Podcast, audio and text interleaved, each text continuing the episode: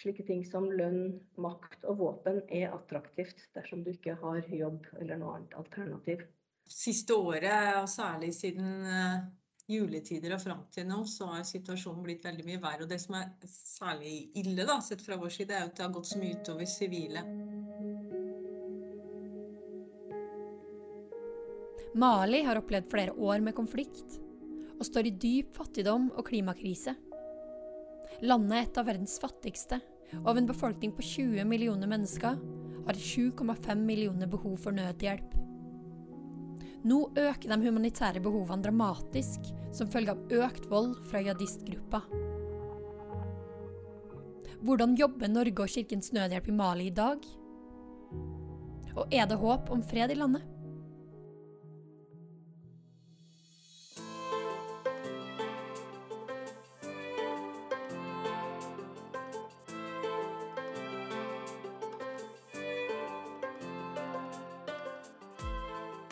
Du hører på Verden og vi, en podkast fra Kirkens Nødhjelp. Jeg er Kristine Eid. Det mest akutte er jo en sikkerhetssituasjon som blir stadig verre. Ikke-statlige væpna grupper, som man kaller det, mm, som har bånd til terrorgruppene Al Qaida og ISIL, vinner terreng eh, og kontroll over, over stadig større områder. Navnet mitt er Rigmor Elianne Coty, eh, og jeg er nylig utnevnt til ambassadør i Bamako i Mali. Rigmor, før sommeren så ble du utnevnt eh, til ambassadør i Mali. og Kan du fortelle litt eh, om hva hovedoppgavene dine blir i, som ambassadør i landet? Vi oppretta ambassade i eh, Mali i 2017. Eh, og Hovedårsaken til at det ble etablert en eh, norsk ambassade, er for å fremme norske interesser og verdier i landet. Vi skal bistå til internasjonal fred og sikkerhet, fremme demokratiske verdier og respekt for internasjonal rettsorden. Og det er klart at I våre dager så ser vi jo klart at det som skjer i en del av verden også får konsekvenser for Norge eh, og for andre deler av verden. Eh, Norge har et bistandssamarbeid med Mali som går langt tilbake i tid, eh, helt tilbake igjen på slutten av 70-tallet. Og det har et hovedfokus på matsikkerhet, klima, robust landbruk, utdanning, helse og godt styresett.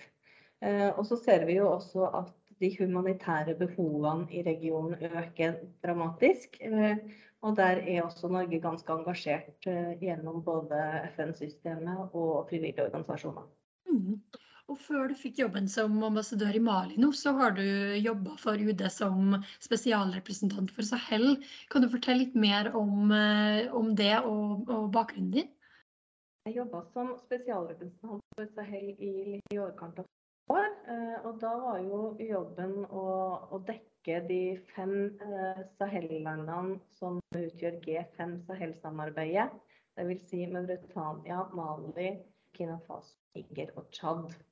Eh, før det så har jeg jobba i Utenriksdepartementet og hatt spesielt fokus på, på, Afrika egentlig i hele karrieren. Jeg har vært stasjonert i Kenya, i hovedstaden Nairobi, og i Elfenbenskysten, hvor vi hadde ambassade i Abidjan eh, frem til ca. 2011-2012. Og Hva var det med Mali da, som gjorde at du ønska å bli ambassadør eh, der nå? Mali er jo i en veldig spennende politisk og sikkerhetspolitisk situasjon. Det er veldig mye som skjer. Eh, og, og det er engasjerende eh, å følge med på, eh, på utviklinga. Som jeg sa i sted, så, så, er jo Norge engasjert gjennom bistandssamarbeid. Men vi har også hatt et, et, langvarig engasjement i FNs fredsoperasjon MINUSMA, både militært og med politi. Eh, og vi har jobba eh, politisk i FNs sikkerhetsråd, hvor vi jo nå sitter som, eh, som medlem frem til årsskiftet.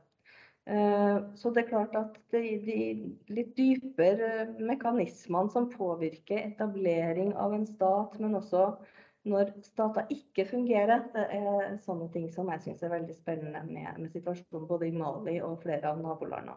Dessuten så er det jo et flott land og et uh, flott folk. Jeg besøkte landet for første gang for 20 år siden. Uh, og var da på steder som Timbuktu, Kidal og Gao, som i dag uh, mer eller mindre er utilgjengelig hvis du ikke har med eskorte. Og den fineste opplevelsen min i Mali hadde jeg faktisk sammen med Kirkens Nødhjelp på et feltbesøk i Nord-Mali, hvor vi da overnatta ute under stjernene, kun bevokta av lokale maliere som satt rundt et leirbål og, og passa på oss. Det var virkelig et minne for livet. Så sånne ting bidrar jo også til at man får et godt uh, bilde uh, av et land som, som i dag fremstår uh, ganske vanskelig. Det er så gøy. Det er jo mange som ikke har eh, vært i Bamako. Altså, og du kom ned der i slutten av august nå. Kan du beskrive litt hvordan, eh, hvordan det er å, bo i en by som eh, Bamako, og hvordan arbeidshverdagen din er? Ja, nå er jeg jo bare på dag to, da, så det er litt vanskelig å, å, snakke med, med pondus om, om, det, siden jeg har så begrensa erfaring. Men Ambassaden og, og, de norske kollegaenes boliger ligger på ei halvøy i Nigerfloden. Eh, og vi har alle gangavstand til ambassaden. Eh, akkurat nå er det regntid, eh, så jeg fikk tatt i bruk mine nyinnkjøpte støvler allerede første dag på jobb, når jeg skulle spasere de 50 meterne som er mellom der jeg bor og, og selve, selve ambassadekontoret. Veiene er jo dårlig vedlikeholdt, og, og det var og er store søledammer i denne terrakottarøde sanda. Um, Bamako ligger fint til ved Nigerfloden, som, som, på en måte deler byen i to. Uh, og det er flere hyggelige spisesteder ved elva. Uh, og det er en del kulturelle aktiviteter. Og det skal være supermarkeder her med, med godt utvalg. Samtidig, det er en by på ca. 3 millioner mennesker. Økende fattigdom pga. sikkerhetssituasjonen og et økende antall flyktninger og internt fordrevne. Så det er jo også noe som er synlig i bybildet. For landet står jo overfor store utfordringer. Og, og, og, hva vil du si, altså Du nevnte jo det her med sikkerhetssituasjonen og økende fattigdom. Men hva vil du si er de største utfordringene som Mali står overfor? Det mest akutte er jo en sikkerhetssituasjon som blir stadig verre i stadig større deler av, av Mali, men også i nabolandene. Eh, vi ser at uh, ikke-statlige væpna grupper, som man kaller det, mm, som har bånd til terrorgruppene Al Qaida og ISIL, vinner terreng uh, og kontroll over, over, stadig større områder. Uh, Dette er jo land, både Mali og nabolandene er jo blant de fattigste i verden. Ligger lavest på UNDPs eh, Human Development Index. Um, og folk, folk, har veldig dårlige levekår, uh, dårlig tilgang til grunnleggende tjenester som utdanning, helse, infrastruktur. Og ikke minst til sikkerhet og, og et fungerende rettsvesen. Um, korrupsjonen er utbredt, og, og, folk flest har egentlig svært liten tillit til staten eller til offentlige uh, tjenestemenn og -kvinner. Eh, og dette er noe de væpna gruppene utnytter. Eh, folks misnøye med staten eh, utnytter dem og, tilbyr på en måte sikkerhet, alternative tjenester og rekrutterer unge mennesker, særlig unge menn, inn i sine styrker. Slike ting som lønn, makt og våpen er attraktivt dersom du ikke har jobb eller noe annet alternativ. Mm. Så Det er nok noe av det som, som eh, er tydeligst av, de, av, utfordringene i Mali i dag. Eh, og Litt av bakgrunnen for det er jo at, eh, at Mali, som på 90-tallet ble sett på som et land med en positiv demokratisk utvikling, og på mange måter var en donor-darling, viste seg å ikke gå så bra allikevel. Og underliggende strukturer knytta opp mot nepotisme og endemisk korrupsjon kom etter hvert til syne. Eh, den, den eh, vanskelige situasjonen eh, som da utvikla seg i, i, Mali, kulminert etter parlamentsvalget i 2020, da den sittende presidenten Ibrahim Bobakar Keita ble styrta i et militærkupp etter lang tids opprør mot det sittende regimet. Militæret lovte å innføre valg etter en overgangsperiode, men i stedet så kom det et nytt kupp. Og en lang periode med svært spent forhold til det internasjonale samfunnet. Konflikten ble særlig tydelig med, med Frankrike, som jo har vært en, en, en veldig viktig partner for Mali siden kolonitida. Men også til nabolandene i regionen og den regionale organisasjonen ECOWAS, som viste sin misnøye ved å innføre sanksjoner. Det er klart at Malis militærregime sier veldig tydelig at det er sikkerhet som er deres første prioritet. Og de har nå beslutta å takke nei til videre militært samarbeid med Frankrike. Og har valgt å gå inn i et samarbeid med den russiske private sikkerhetsselskapet Wagner-gruppen, som har tette bånd til Moskva. Mm. Og det har gjort at samarbeidet med vestlige land har blitt enda mer vanskelig. Eh, og nå siden, siden Russlands invasjon av Ukraina spesielt vanskelig, vil jeg si. Eh, og det er klart at midt i alt det her, i det politiske spillet og i, i diskusjonene og vurderingene av hvordan man skal takle eh, sikkerhetssituasjonen, så er det sivilbefolkninga som, som lider, som eh, det alltid er. Um, så i tillegg til utrygghet som følger med av vold og terror, berøres jo de her menneskene av klimaendringer, tørke, flom, økte matvarepriser, transportpriser pga. Ukraina-krisa og ettervirkningene av covid. Så det er et ganske sammensatt bilde av utfordringa i Mali, men jeg vil uansett si at det er sikkerhetssituasjonen som er absolutt uh, det største, den, den viktigste utfordringa i Mali i dag. Ja, og du sier jo det her med for deg om de væpna gruppene som har koblinger til jihadistgruppa, jihadistgrupper, at det skaper en veldig stort problem for sikkerhetssituasjonen i landet. Hvordan vil du si at, eh, at eh, situasjonen, altså hvor de her gruppene opererer i dag, sammenligna med for ti år siden? Ja, det, er et sammensatt bilde. Vi, vi det er jo væpna grupper i, i, eh, deler av Mali som, som uh, ble etablert pga. at de hadde misnøye knytta opp mot, mot, staten eller andre, andre befolkningsgrupper eller, eller, andre ting. Men det vi har sett, er jo at strukturene knytta opp mot eh, de, de internasjonale terrororganisasjonene eh, har blitt sterkere, og at det er tydeligere bånd eh, den veien. Så selv om en del av de væpna gruppene opererer relativt selvstendig, så er det allikevel en link der opp mot, opp mot Al Qaida eller ISIL i de fleste tilfellene i hvert fall.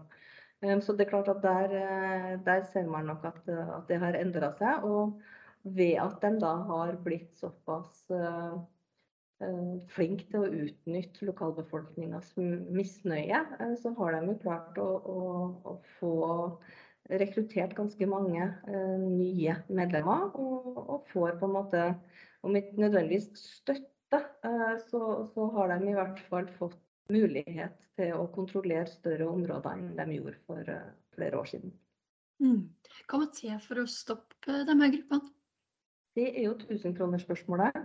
Og, og fra norsk side så har vi hele tida sagt at man må jobbe helhetlig. Uh, ha en koordinert innsats der man både forsøker å bidra til at folk får mer av de her grunnleggende tjenestene, men at vi også jobber politisk og forsøker å bidra til bedre styresett. Uh, at rettsstaten på en måte etablerer seg i større grad. Og at vi lindrer humanitær nød, samtidig med at det også trengs en militær innsats mot, uh, mot de her jihadistgruppene. Så nå er vi jo i en veldig ond sirkel, og den må på en måte uh, snus for at man skal uh, få større, for at staten skal få større tillit fra befolkninga si. Og, og, folk må på en måte se at uh, det er noen der som ønsker å bidra til at de skal få et bedre liv og bedre levevilkår. For fra Norge så, så, jobber vi jo, som jeg sa, gjennom, eh, gjennom mm, bidrag til FN-operasjon MINUSMA, som jo skal bidra til fred og sikkerhet. gjennom multilaterale kanaler eh, på sektorer som utdanning, matsikkerhet, helse, styresett. Og ikke minst gjennom eh, sivilt samfunnsorganisasjoner sånn som Kirkens Nødhjelp, som er tett på befolkninga og som har lang erfaring eh, i, særlig i, i Mali. Ja, for akkurat nå så ser jo situasjonen som gjør veldig krevende ut. Er det ting som, som, gjør at vi allikevel kan håpe på en positiv utvikling i landet i årene som kommer? Ja, som du sier, det er en veldig alvorlig situasjon. Og vi ønsker jo egentlig ikke å, å tenke tanken ut i forhold til worst case scenario der det er jihadistgruppa og, og Wagner-gruppen som på en måte får uh, innflytelse uh, og, og dominere i landet. Nettopp derfor uh, så er jo min tenkning at uh, vi, det internasjonale samfunn, vestlige land, FN-operasjon MINUSMA, frivillige organisasjoner ikke må forlate Mali. Vi er nødt til å fortsette å jobbe som best vi kan og på en koordinert måte for å bistå befolkninga, men også for å forsøke å, å påvirke myndighetene i en mer demokratisk retning. Pushe på for respekt for menneskerettigheter og pushe på for beskyttelse av sivile. Eh, og jobbe med de gode kreftene i Mali. Det, jeg tenker vi har egentlig ikke noe valg. Lokale aktører som har en eh, aksept og troverdighet i sitt lokalmiljø, kan bidra til å løse konflikter på en ikke-voldelig måte. Jeg heter Anne Katt Seland. Jeg er regionaldirektør for eh, Kirkens Nødhjelps eh, kontor i Sahel. Jeg dekker to land, Mali og Burkina Faso, og er basert her i Bamako. Vi må bare være ærlige om at situasjonen er veldig lite god. Og at vi forventer jo ikke at den skal bli veldig mye bedre i noen nær framtid. Jeg heter Bjørnar Lemvik, og jeg er rådgiver for Sahel-kontoret vårt. Så det innbefatter da Mali og Burkina Faso, men er stasjonert i Oslo til vanlig. Eh, Annika, kan ikke du starte litt med å fortelle om hva Kirkens Nødhjelp gjør i Mali? Ja, vi jobber med vann, vann, eh, sanitær og hygiene. Vi jobber med eh, å arbeide mot eh, det som kalles for kjønnsbasert vold. Det betyr bl.a. skadelige skikker som kjønnslemlestelse, eh, for tidlig ekteskap. Så jobber vi med familieplanlegging. Eh, og vi jobber eh, ikke minst med lokal konfliktløsning for å bidra til fredeligere sameksistens i et lokalsamfunn og mellom lokalsamfunn. Og Bjørnar, du jobber jo fra hovedkontoret i Oslo. Kan du fortelle litt om Eh, hvordan du jobber med Mali derfra, og hva du gjør nå når du er på besøk i Bamako? Min oppgave både i Oslo og mens jeg er her, er egentlig eh, i veldig stor grad å støtte kontoret så godt som jeg bare kan. Eh, så nå for så er det planleggings- og budsjetteringsarbeid som står i høysetet for neste år, for 2023.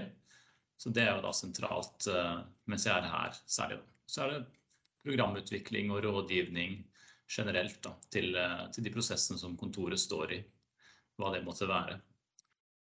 Og eh, sånn som disse turene her, er jo, jeg gjør jo, da får jeg jo vært mer direkte med eh, i arbeidsfellesskapet her eh, når vi jobber sammen.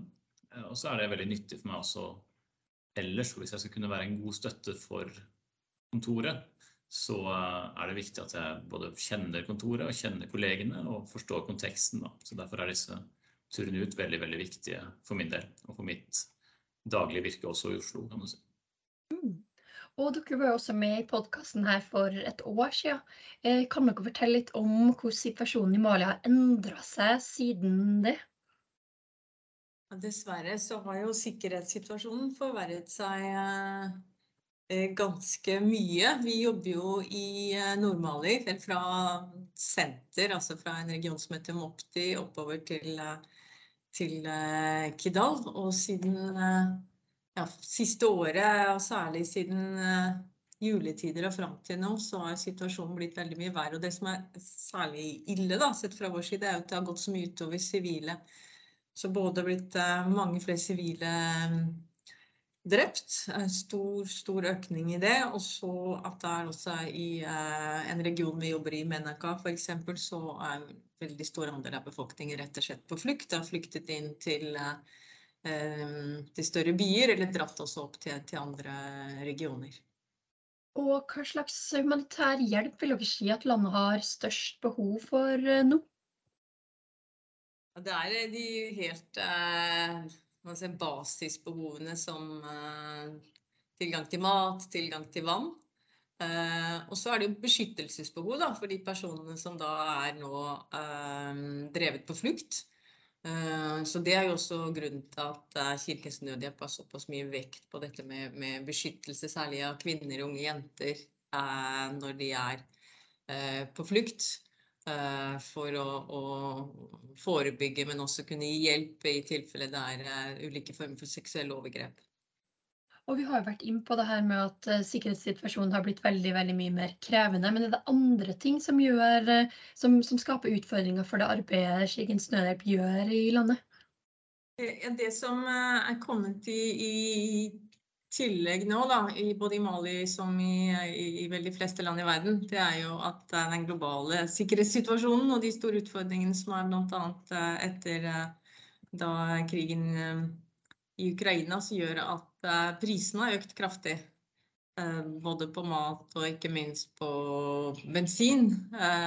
Det gjør jo både klart det blir dyrere vårt arbeid, men ikke minst er det at livet er blitt så mye, mye mer vanskelig for den jevne malier med de eh, veldig økte prisene. Og det som er viktig å si, at dette kommer jo nå på toppen av eh, flere år hvor ting eh, har blitt mer og mer krevende. Vi har vært i, i situasjonen nå flere år på rad. At det har vært sanksjoner mot landet som har gjort at økonomien har eh, gått dårligere og dårligere. Klart Covid også gjorde at grensene var stengt, som også gjorde at økonomien ble satt tilbake. Og så kommer dette på toppen Pluss da sikkerhetssituasjonen som gjør at uh, ting blir veldig, veldig krevende for, uh, for folk flest.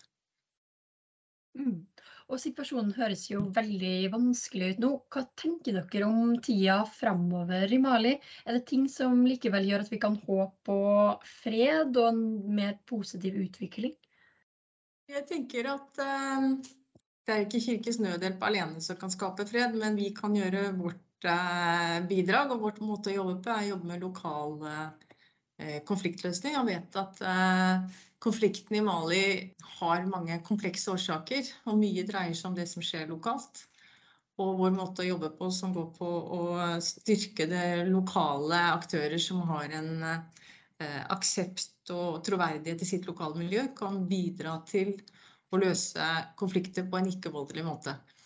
Og den måten å jobbe på har vi sett og ser at det har en verdi, så, så, vi har vår måte å bidra på. Det, og vi ser også at det er mange andre aktører som kan bidra positivt på at dette kan få en, at vi kan få en uh, ikke-voldelig løsning.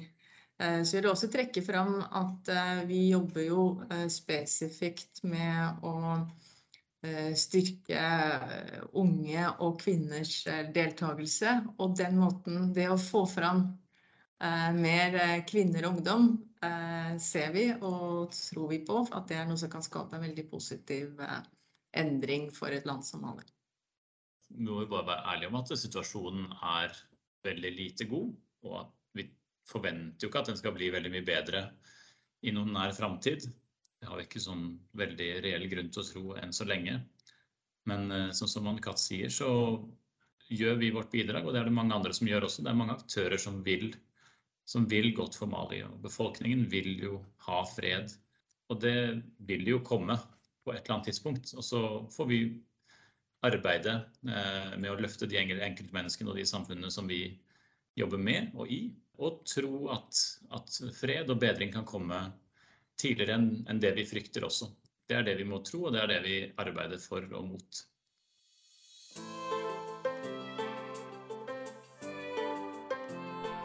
I denne episoden har du hørt Rigmor Elianne Koti, Norges ambassadør i Mali, Anne-Kat. Sæland, regionskoordinator for Sahel, og Bjørnar Lemvik, landrådgiver for Kirkens Nødhjelp, fortelle om Mali. Verden og vi, en podkast fra Kirkens Nødhjelp. Jeg er Kristine Eid.